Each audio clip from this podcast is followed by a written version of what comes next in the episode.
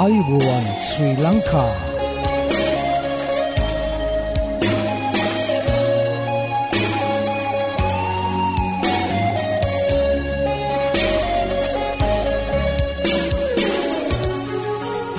ඔබට සුපදවස මේ Adventist World radio බලාපොරොත්වය හඬ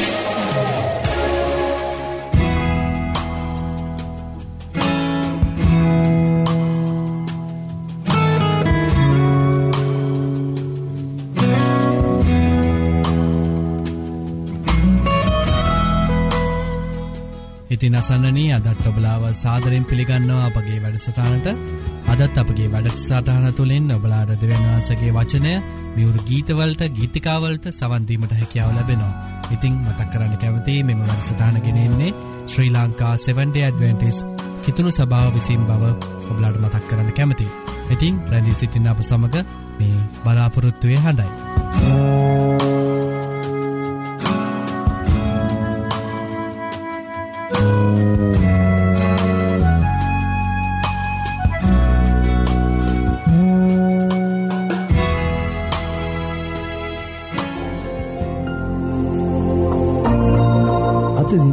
බයිබල් පාටය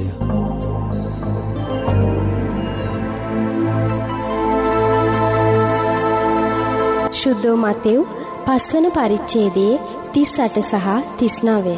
ඇසට ඇසාකිය දතට දතාකයයි කී බව නුබලා අසා තිබේ. නමුත් මම නුබලාට කියමි. නපුරු අය සමග පොරට නොසිටිල්ලා. යමෙක් නුබේ දකුණු කම්මුලට ගැසී නම් ඔහුට අනික් කම්මුලද හරවා පන්න.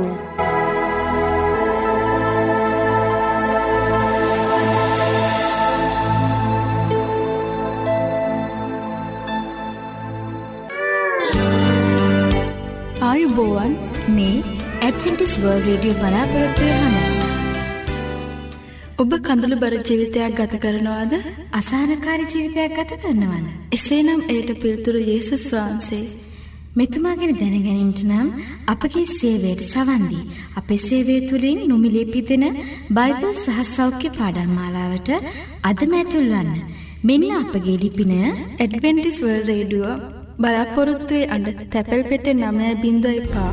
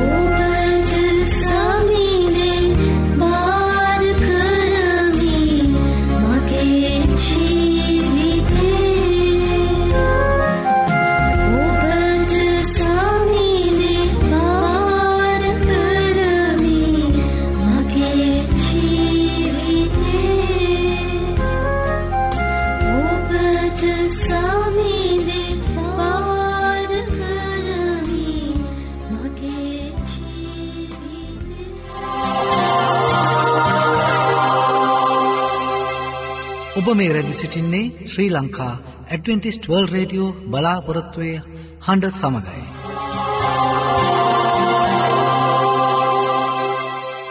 යෙසාය පනස්සිකේ දොළහා නුම්ඹලා සනසන්නේ මමය. ඔබට මේ සැනසම ගැන දැනගානට අවශ්‍යද? එසේනම් අපගේ සේවය තුළින් නොමිලේ පිදෙන බයිබල් පාඩම් මාලාවට අදම ඇතුල්වන්න. මෙන්න අපගේ ලිපිනය ඇඩවෙන්ටිස් වල් රේඩියෝ බලාපොරොත්තුවේ හඬ තැපැල් පෙටිය නමසය පා කොළඹ තුන්න.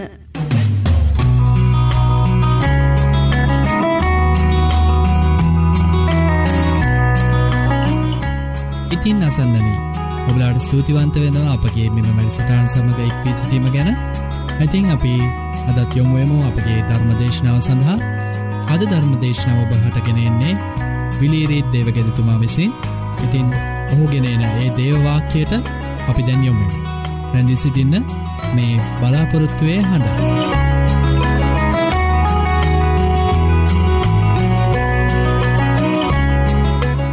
ආයුබෝවන් අසන්නෙනේ ඔබ සියලු දෙනාටම සුභ සන්ධ්‍යාවක්. අද මගේ දේශනාවේ තේමාව Yesසුස් වහන්සගේ ජීවිතයේ පුදුම හතක් වශයෙන් තෝරාගෙන තිබෙනවා. සුද්ද බයිබලේ සඳහන් වී ඇති පරිදි Yesසුස් වහන්සේ ගැන යොහන්තුමා මෙන්න මේ විදිහට එතුමාගේ සුභහරංචියයේ ලියා තිබෙනවා. යොහන්තුමාගේ සුභහරංචියයේ විසිවෙනි පරිච්චේදේ විසි පස්වනි වගන්තිය දෙස අපි බලමු.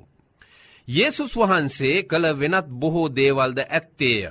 ඒවා එකින් එක ලියන ලද්දේ නම් ලියනු ලබන පොත් දරන්ට ලෝකයත් මදියයි සිතමි. සුද්ද බයිබලේ නව තෙස්තමේන්තුවේ.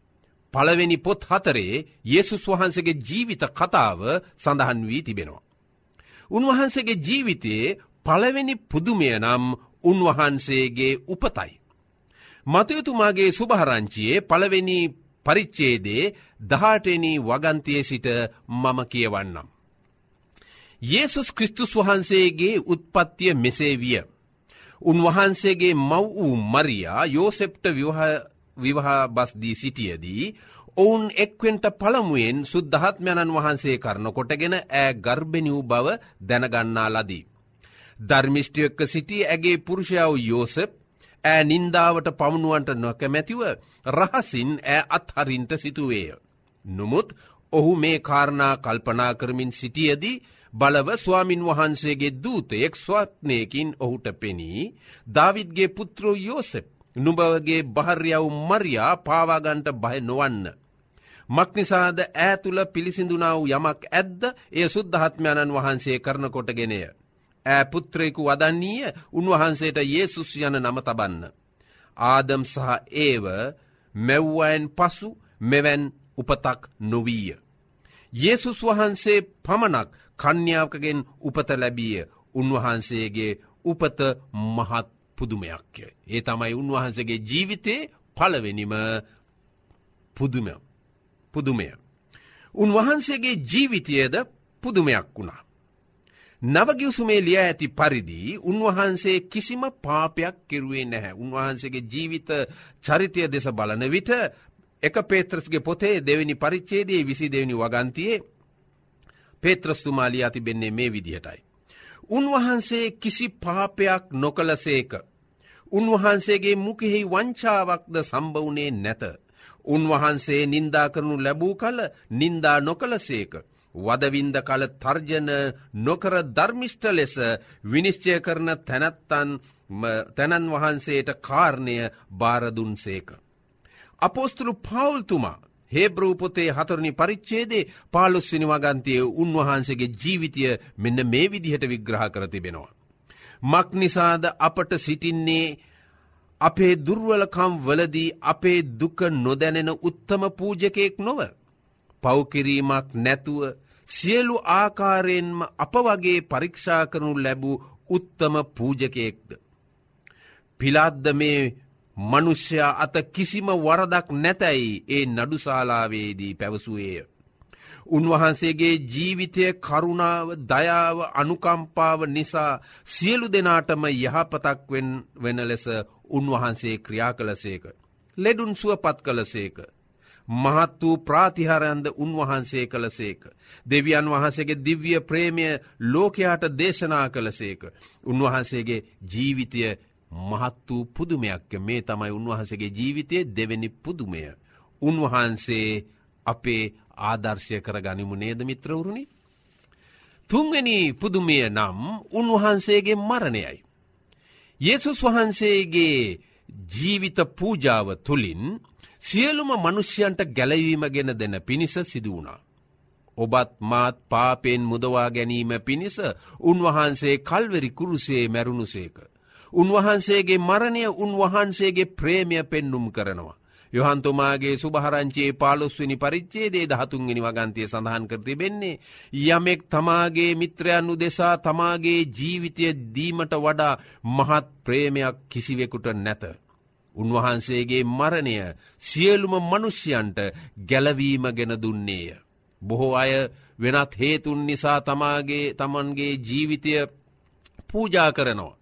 නමුත් අපගේ ස්වාමියූ යේසුස් කෘස්තුස් වහන්සේ සකල මනුෂ්‍යයන්ගේ පාපයෙන් මුදවා ගැනීම පිණිස උන්වහන්සේගේ ජීවිතය පූජා කළසේක. මේ තමයි උන්වහන්සේගේ ජීවිතය දෙස බලන විට තුන්ගෙන පුදුමදේ. දැන් අපි බලමු හතරවෙනි පුදුමිය උන්වහන්සේගේ ජීවිතය දෙස බලන විට.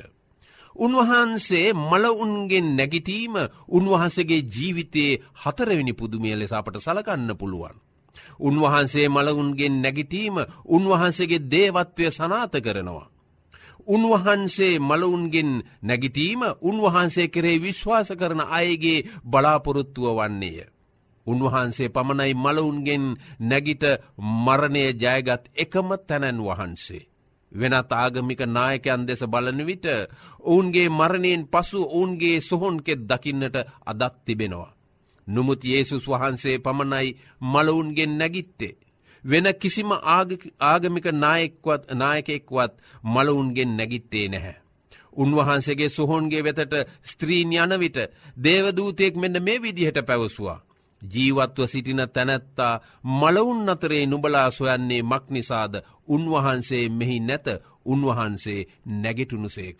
ශරීරයෙන් යුක්තව සියලු දෙනාටම පෙනෙනව පිණිස තේජවන්තව උන්වහන්සේ තුන්වෙනිදා මලවුන්ගෙන් නැගිටුනුසේක. උන්වහන්සේගේ උත්තානය උන්වහන්සේගේ ජීවිතයේ හතරවෙනි පුදුමය ලෙස අසන්නන අපට සලකන්නට පුළුවන්. අපි බලමු උන්වහන්සගේ ජීවිතයේ පස්සන පුදුමය කුමක්ද කියලා. එනම් ස්වර්ගයට නැගීමයි. එක්දස් නමසය හැට එකේ යූරි ගගාරින් නම් ගගනගාමියා සෝවිට් රුසියාවේ සිට අභ්‍ය අවකාශයට ගියා. මුළු ලෝම විශ්මයට පත් වනා. නොමුත් මනුෂ්‍යයෙක් ප්‍රථම වරට අභ්‍ය අවකාශිට ගිය වතාව මෙය නොවෙයි. එක්දස් නමසය හැටාටේ නීලාම් ස්ට්‍රෝන් සහ තවත් ගගනගාමින් දෙදෙනෙක් සමග මේ අය චන්ද්‍රයා වෙතට ගමන් කිරුවා. පළමුුවෙන්ම වෙනත් ලෝකයකට පාතැබූ තැනැත්තා නීල් ආම්ස්ට්‍රෝන් වශයෙන් අපි පිළිගන්නවා.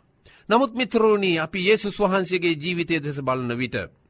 මලවුන්ගෙන් නැගෙටුණු යේසුස් වහන්සේ දවස් හතලියකට පසු උන්වහන්සේගේ ගෝලයෝ සමඟ ඔලීව කන්දට උන්වහන්සේ ගිය සේක.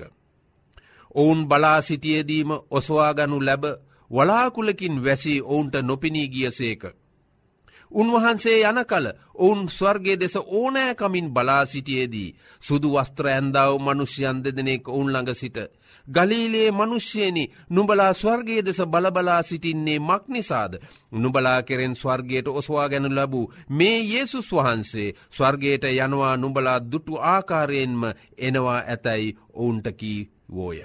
ඕ මිත්‍රවරුණි අපි ආගමික නායකයන් දෙස බලන්නාව අවස්ථාවදි ආගමික කතෘවරුන් දෙස බලන විට යේසුස් වහන්සේ මලවුන්ගෙන් නැගිටලා දවස් හතලියකට පස්සේ ශරීරයෙන් යුක්තව සියලු දෙනාටම පෙනෙන විදිහට උන්වහන්සේ ස්වර්ගයට නැග්ගා. උන්වහන්සගේ ජීවිතයේ පුදුම පුදුමයක් වන්නේ මෙයයි.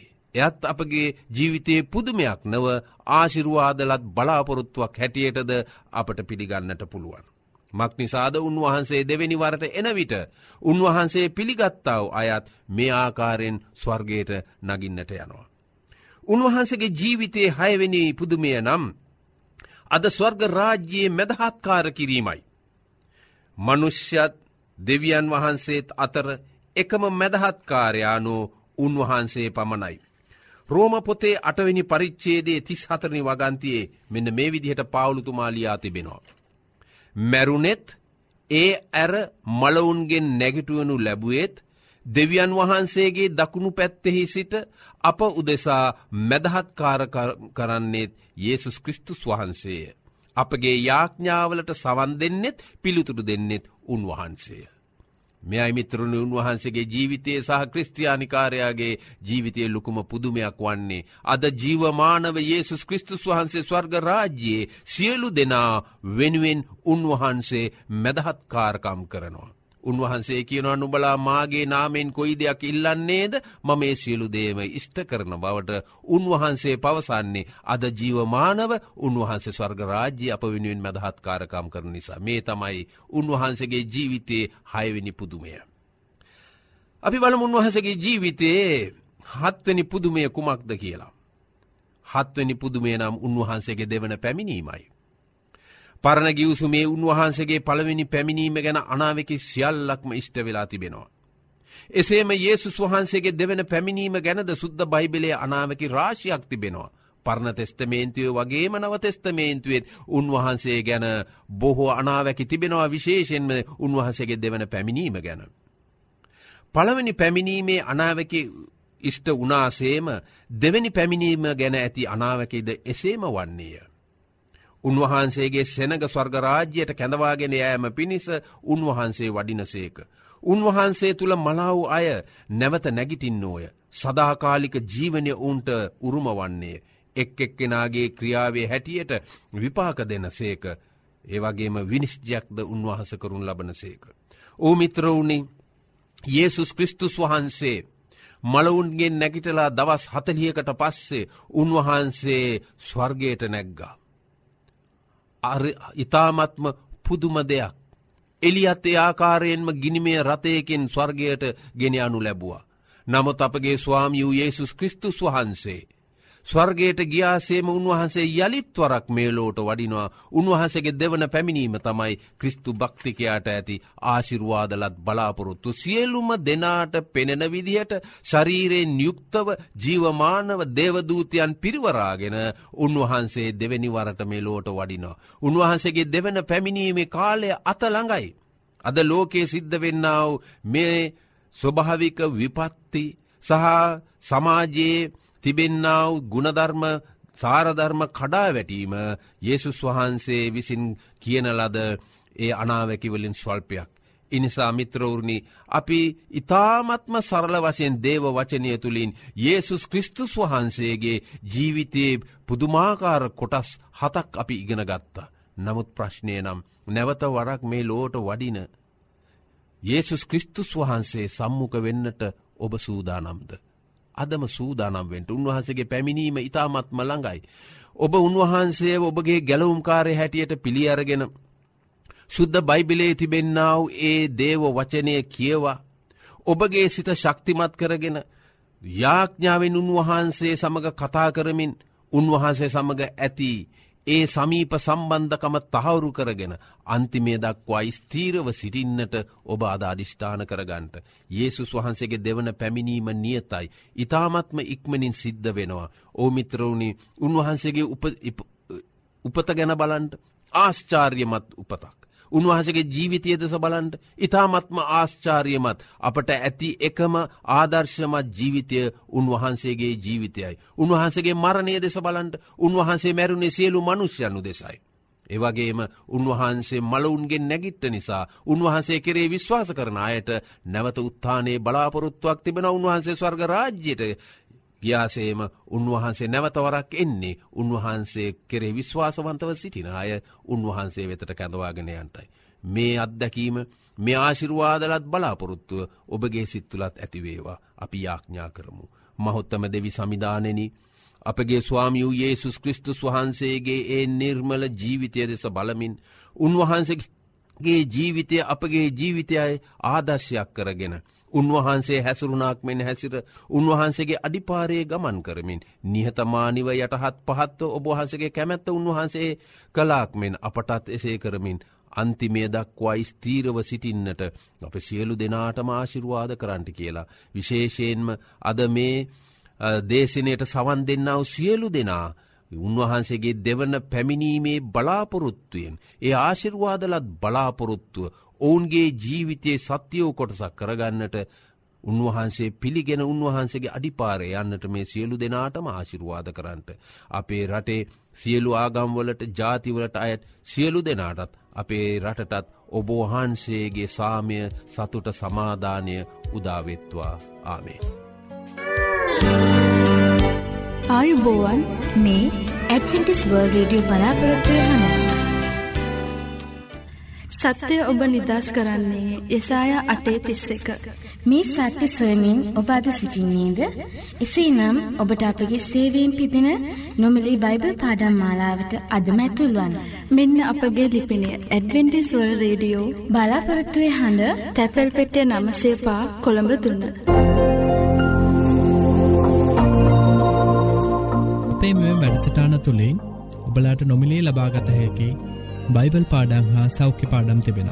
ඉතිං ඔබලා කැමතිනං ඒවට සමඟ එක්වෙන්න අපට ලියන්න.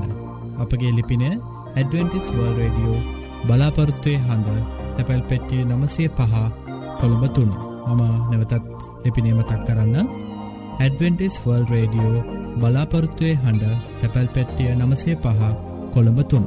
ඒ වගේ මොබලාට ඉතාමත් ස්තුතිවන්ත වෙනවා අපගේ මෙම වැඩසරන්න දක්කන්නව ප්‍රතිචාර ගැන අපට ලියන්න අපගේ මේ වැඩසටාන් සාර්ථය කර ගැනීමට බලාගේ අදහස් හා යෝජනාවට අවශ්‍ය. අදත් අපගේ වැඩසටානය නිමාව කරාලඟාව තිබෙනවා ඉතිං පුරා අඩහෝරාව කාලයක් අප සමඟ රැඳී සිටියඔබට සූතිවන්ත වෙන අතර හෙටදිනෙත් සුපුරෝධ පරිති සුපුරෘදු වෙලාවට හමුවීමට බලාපොරොත්තුවයෙන් සමුගන්නාම ක්‍රස්තියකනායක. ඔබට දෙවියන් වහන්සේකි ආශිර්වාදය කරුණාව හිමියේවා.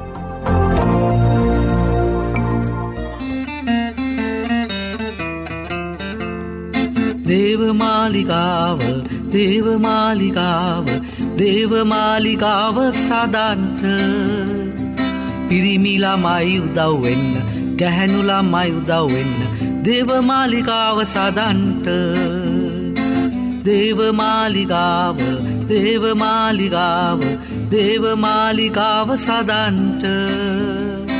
පිරිමිලාමයි උදව්වෙන් ගැහැනුලාමයි උදව්වෙන්න දේවමාලිකාව සදන්න. දේවමාලිකාව සදන්න.